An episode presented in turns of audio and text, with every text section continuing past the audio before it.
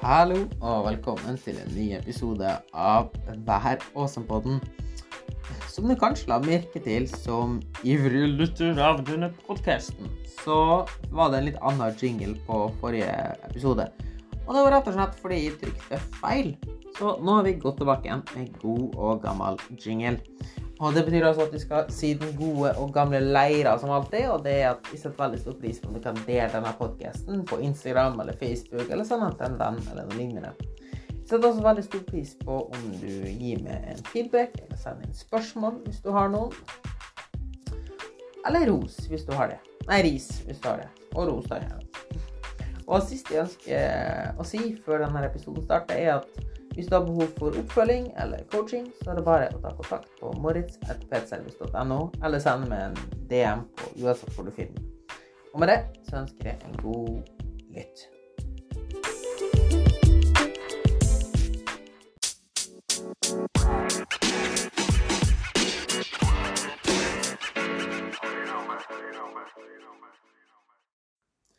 Oh boy, oh boy, oh boy.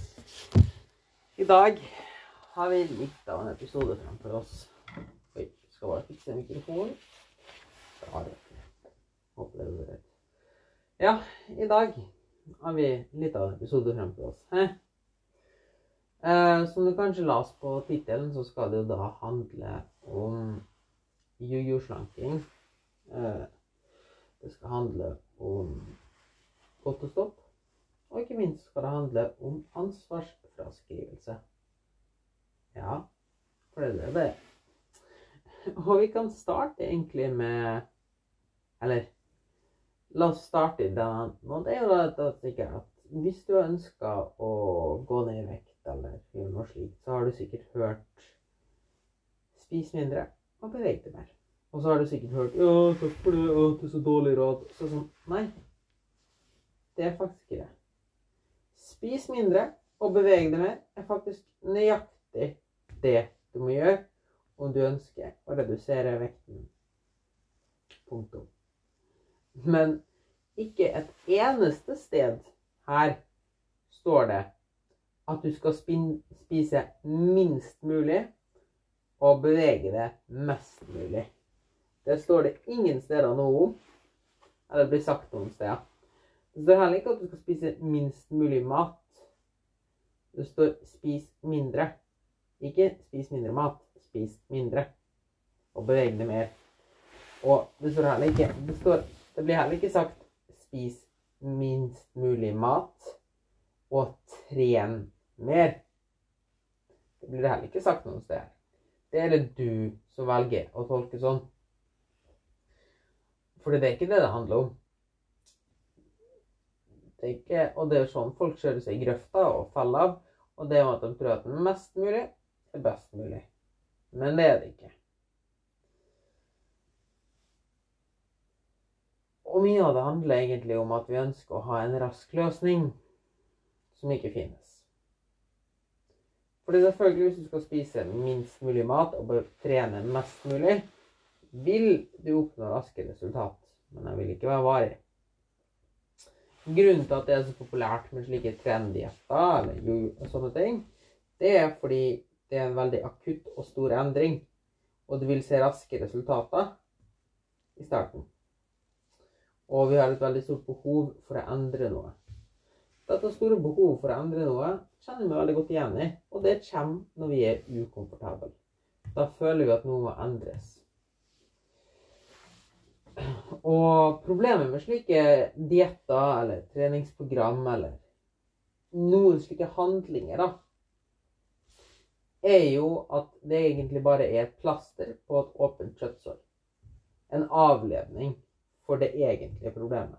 Og jeg har brukt det ganske mye sjøl. Veldig mye. I stedet for å gå inn i problemene mine og behandle problemene mine på en god måte, på en konstruktiv og strukturert måte, så velger jeg å fornekte dem og unngå dem. Og la dem boble på i bakgrunnen.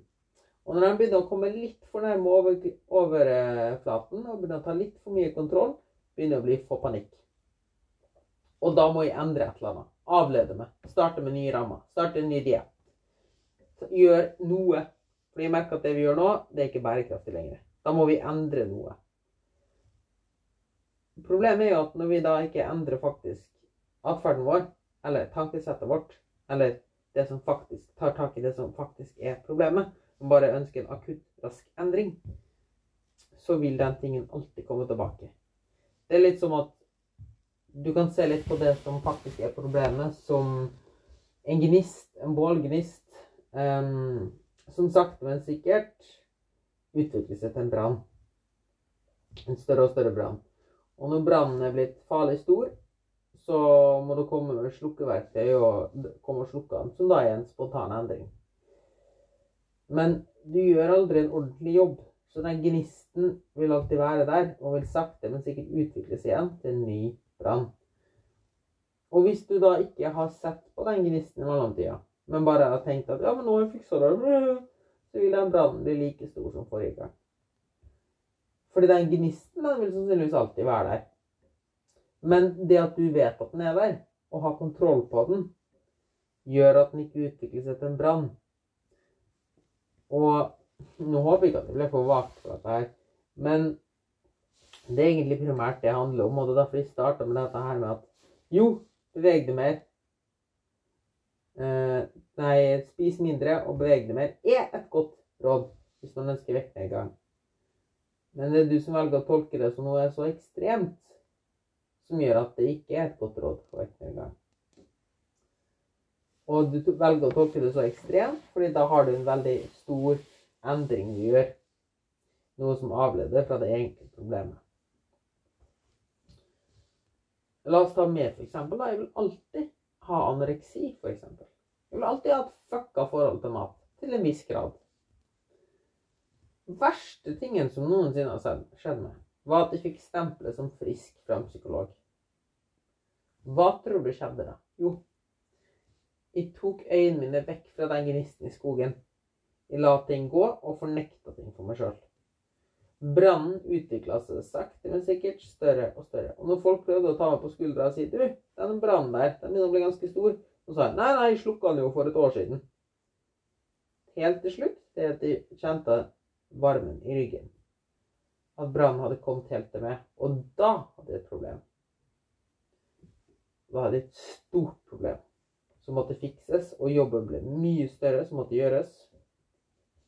Tilbakefallet ble mye, mye sterkere enn det det potensielt hadde vært hvis de hadde akseptert at den gnisten vil alltid være der, og vi må ta forhåndsregler for at den ikke skal utvikle seg til en brann. Det, han, så uansett hvor du er hen i livet, eller hva du ønsker å endre på, så må du forstå at mest sannsynligvis så er, vil det være noen mekanismer der som gjør at du endte hvor du er hen, som alltid vil være der. Om det nå er overspising pga. at du spiser med følelser, om det er overtrening, om det er selvskading, om det er at du hopper fra partner til partner Den atferden du har, har en grunn. Den har ringvirkninger. Og du må forstå den tingen. Du må forstå triggeren din. Og du må forstå at den sannsynligvis alltid vil være der, og at det må være en ting du må være veldig fokusert på. Det er f.eks. også grunnen til at jeg er veldig flink på å monitorere, altså kartlegge treninga mi, og loggføre alt jeg spiser.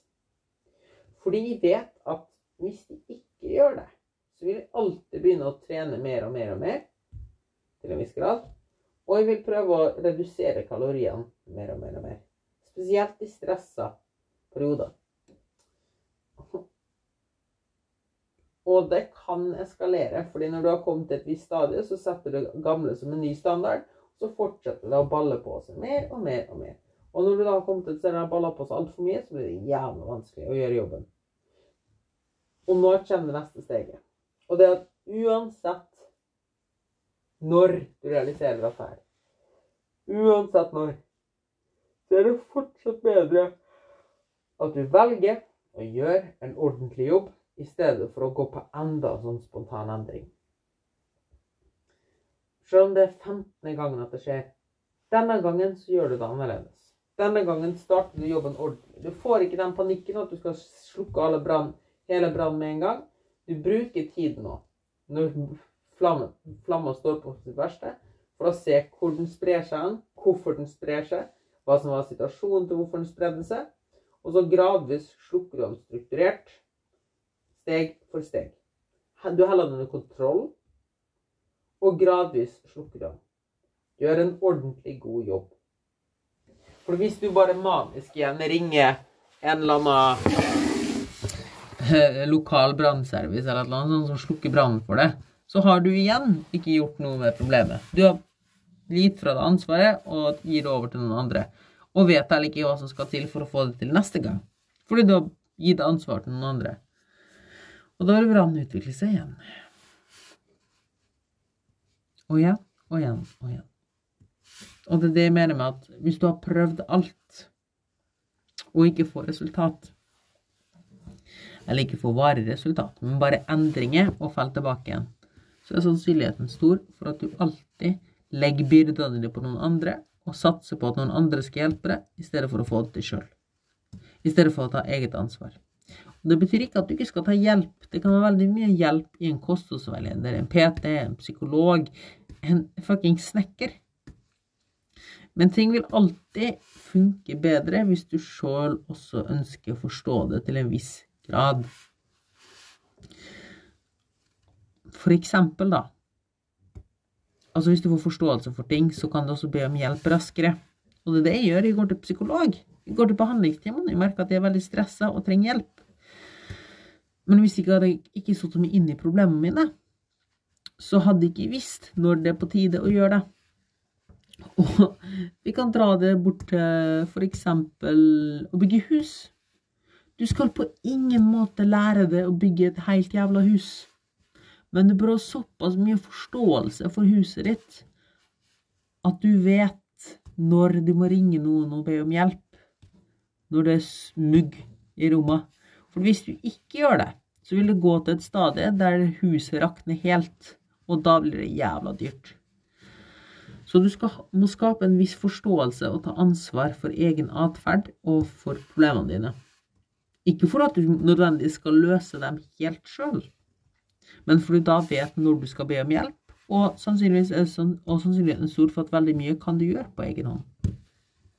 Det er derfor f.eks. i kostholdsveiledninga mi at jeg lærer folk om mat og atferdsendring og en forståelse for atferden sin, hva mat inneholder, osv. For da kan de faktisk fikse dette på egen hånd. Men det er også folk som kommer tilbake til meg. Det er helt vanlig. Folk som har tilbakefall, eller faktisk så er det også personer som har sagt til meg Du, jeg er på et veldig godt sted nå. Og det var utrolig kjekt, for det skjedde faktisk her i vinter med en kunde. Som sa til meg du, akkurat nå så går det veldig bra, du har lært meg veldig mye, og jeg får gode resultat. Nå klarer jeg meg på egen hånd. Men mest sannsynligvis så kommer jeg til å kontakte det i eksamensperioden min, for da vet jeg at jeg er veldig stressa, og i stresspis. Og da trenger jeg hjelpen din.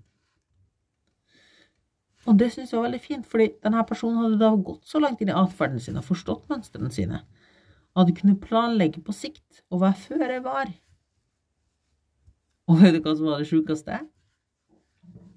Denne personen hadde jobba så mye med atferden sin at, hadde, at, hadde, at vedkommende ikke hadde behov for meg når eksamensperioden kom.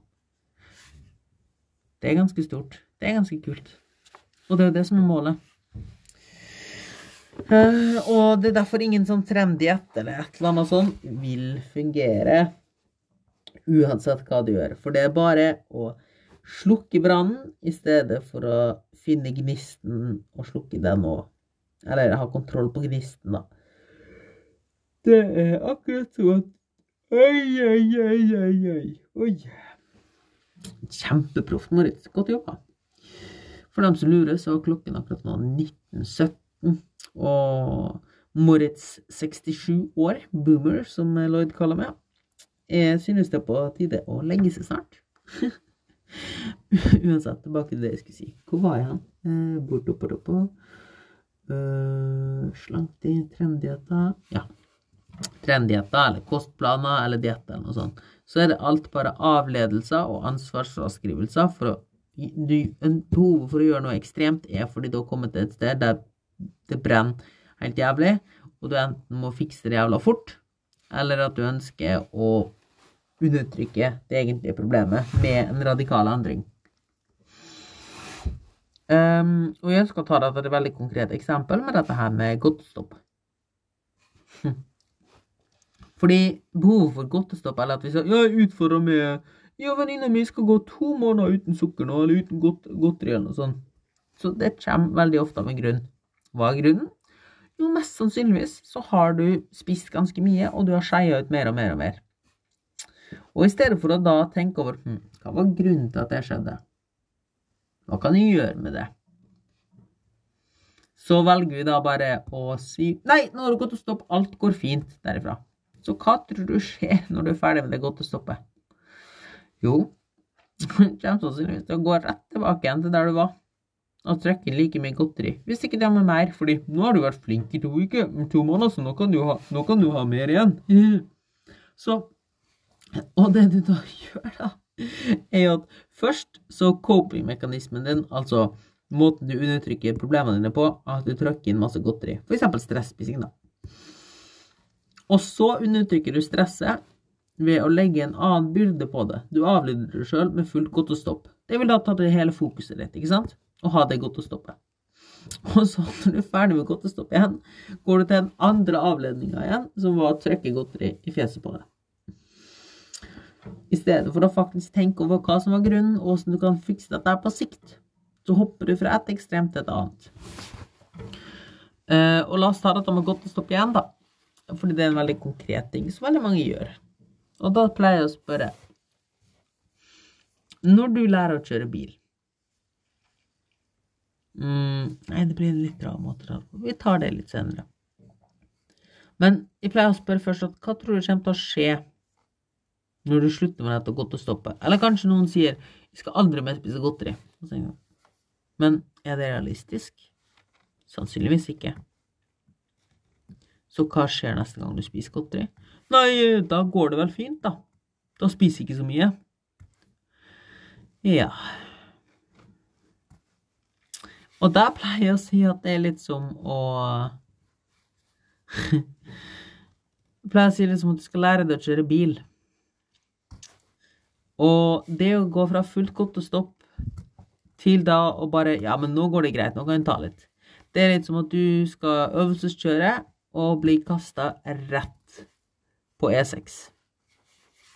Eller midt i Oslo i rushen. Det er nok ikke så jævlig lurt, det. Så åssen skulle vi angå dette her? Jo, vi starter på en parkeringsplass med øvelseskjøring. Og så kanskje etter hvert så går vi ut på veien, og så merker vi oi, ja, dette var litt vanskelig. Og så går vi tilbake på parkeringsplassen og øver på det som var vanskelig. Og sånn er det med kosthold også. Start i kontrollerte rammer. For eksempel, ok, i dag er jeg rolig, og jeg er ikke stressa. Jeg har spist en god lunsj og en god middag og kanskje en god frokost. Jeg er egentlig mett og fornøyd. Derfor skal jeg nå prøve å spise en Reims sjokolade, og kanskje noe frukt og grønt attåt. Ref reglene mine. Hør tidligere episoder.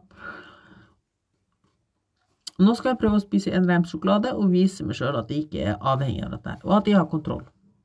Og vips, så har du fått mestring og fått litt mer tro på deg sjøl. Vi skal komme tilbake igjen på dette med troen på deg sjøl.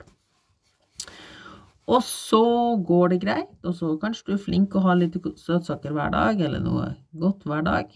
Ref. en snekk om dagen. Men du analyserer atferden din og eh, registrere det når det er vanskelig. Og her igjen, da, hvis du skriver ned hvordan ting føles, og hvilke dager du kjenner uff, i dag var det kjempevanskelig å stå imot og spise mer, eller i dag klarte ikke å stå imot, kan du se hva var grunnen til at det var vanskelig i dag. Var det fordi jeg spiste lite i løpet av dagen, var det fordi jeg var stressa, eller var det noe helt annet? På den måten kan du igjen analysere atferden din. Men det krever jo at du først anerkjenner at dette er noe du sliter med. Og Derfor det å skrive f.eks. en dagbok og notere ned hvordan man føler seg, og hvordan ting har gått, er veldig, veldig lurt. Og la oss nå si, da, at um, du er i et selskap, og så er det tapas, og du bare spiser, spiser, spiser. Bare, hva faen skjedde? Og i etterkant, i stedet for å fornekte det, så går du tilbake og tenker hm, hva var det som skjedde? Ah, ok, Jeg spiste altfor lite til lunsj før jeg dro. Eller den første tallerkenen jeg tok, var altfor liten. Og dette her er da litt som at du går tilbake igjen på, øvelses, på parkeringsplassen. Og så kan du tenke ok, nå skal jeg utfordre meg sjøl til å dra på en ny tapasfest. Men, eller kanskje jeg arrangerer en tapasfest, for da har du kontroll på hva som blir servert. Og i tillegg så vet jeg at jeg spiste altfor lite forrige gang til lunsj, sannsynligvis, så da skal jeg spise en ordentlig god lunsj. Og så prøver vi igjen. Og så får du mestring. Og så kanskje går det greit igjen på neste tapasfest, der du ikke har kontrollen sjøl. Litt som at han, han som sjøl, går han ut på veien igjen og prøver på nytt. Det største problemet oppstår jo hvis Oi, oi, oi. Som sagt, det er snart leggetid. Det største problemet med han som øvelseskjører oppstår jo hvis han synes noe skummelt og utrygt, men sier ikke fra til den han kjører med, eller, eller trafikklæreren hvis han er på trafikkskolen. Hvis han bare merker han er usikker og urolig, men tør ikke å si ifra. Tør ikke gjøre noe med det. Bare nei, nei, det går fint. Hva tror du skjer når han er i trafikken, da? Jo, sannsynligheten for at han går, får en ulykke nettopp her, er ganske stor.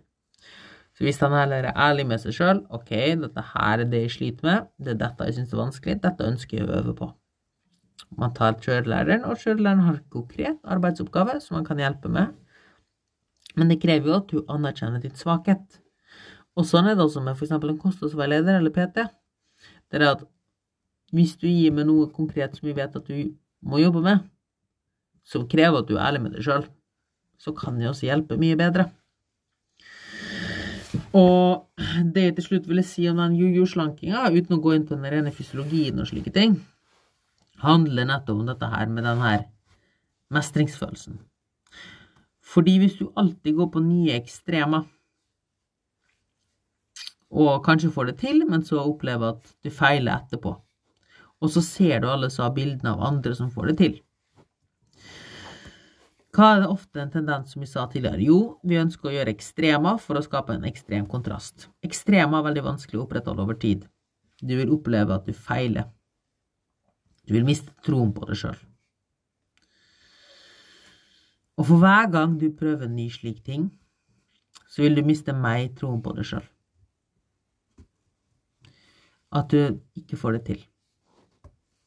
Det må mer og mer ekstreme ting til for at for at det som du prøvde sist, funka ikke, så da må det være enda mer ekstremt denne gangen. Ikke sant? For hvis, ting, hvis det ikke funker å slå slå én gang, så slår vi dobbelt så hardt. Hvis vi Hvis det ikke hjelper å spørre etter noen én gang, så skriker vi istedenfor. Hvis noen ikke forstår oss fordi vi snakker et annet språk, så hjelper det i hvert fall å skrike enda høyere. Hilsen tysker, som eh, blir veldig flau når han er med andre tyskere i, på ferie, fordi når de ikke Hva er løsninga? Hva er løsninga på hvis noen ikke forstår det, og du bare snakker tysk, og du, den andre personen bare snakker engelsk? Jo, snakk høyere tysk, gjerne litt aggressivt, fordi det gjør i hvert fall at man blir forstått. I stedet for å faktisk akseptere at man ikke Ja, du skjønner poenget. Og det er litt det problemet med jojo-slakinga, fordi det var mer og mer og mer ekstrema til. Ref derfor at spis minst mulig og tren mest mulig ikke er svaret, men du tror det er svaret fordi sist gang så funka ikke det du gjorde. Og helt til slutt så ønsker jeg å komme med favorittsitatet mitt, som egentlig oppsummerer det hele. Og det er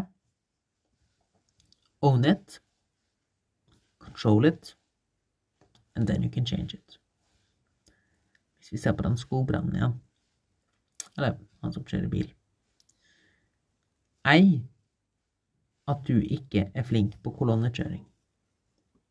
Aksepter det. Si det til trafikklæreren din. Så kan du gjøre det under kontrollerte omstendigheter. Control it.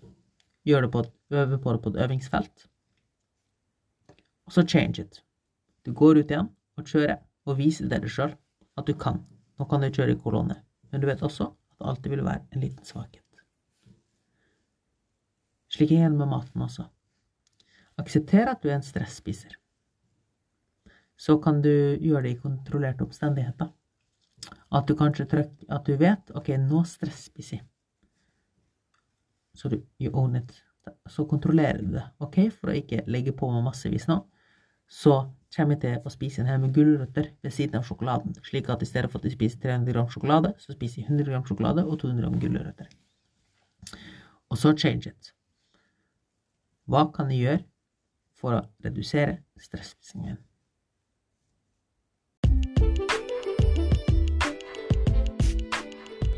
Tusen takk for at du lytta til denne episoden av Vær også-podden. Jeg håper du fikk noe igjen for det, og hvis du gjorde det, så setter jeg alltid pris på noe feedback, eller at du deler episoden. Um, ja, og gi meg også gjerne en vurdering øverst på Spotify, eller, eller abonner på podkasten, eller uansett hvor du hører episoden, så setter jeg veldig veldig stor pris på om du kan gi en vurdering og subscribe til podden, og anbefale den videre, for det gjør at podden vokser. Det blir lettere å finne for andre. Blir tatt opp i Spotify sine algoritmer, så det blir tilbud Tilbud? Det høres veldig skittent ut. Du skjønner hva jeg mener. Uh, og husk at jeg gjør dette her helt gratis, eller på fritida mi, og jeg kan sette av mer og mer tid til det. Eller rettferdiggjøre å sette av mer og mer tid til det, og gjøre en bedre jobb, og kanskje få enda bedre utstyr, ved at podden vokser. Og derfor vinner du på å gi meg en vurdering, eller dele den videre, fordi da vil du få et bedre produkt. Hvorfor skulle jeg rettferdiggjøre for det? Uansett, takk for at du lytta, og med det så er det kun én ting som står igjen, og det er gå og ha en awesome uke. Tudelu!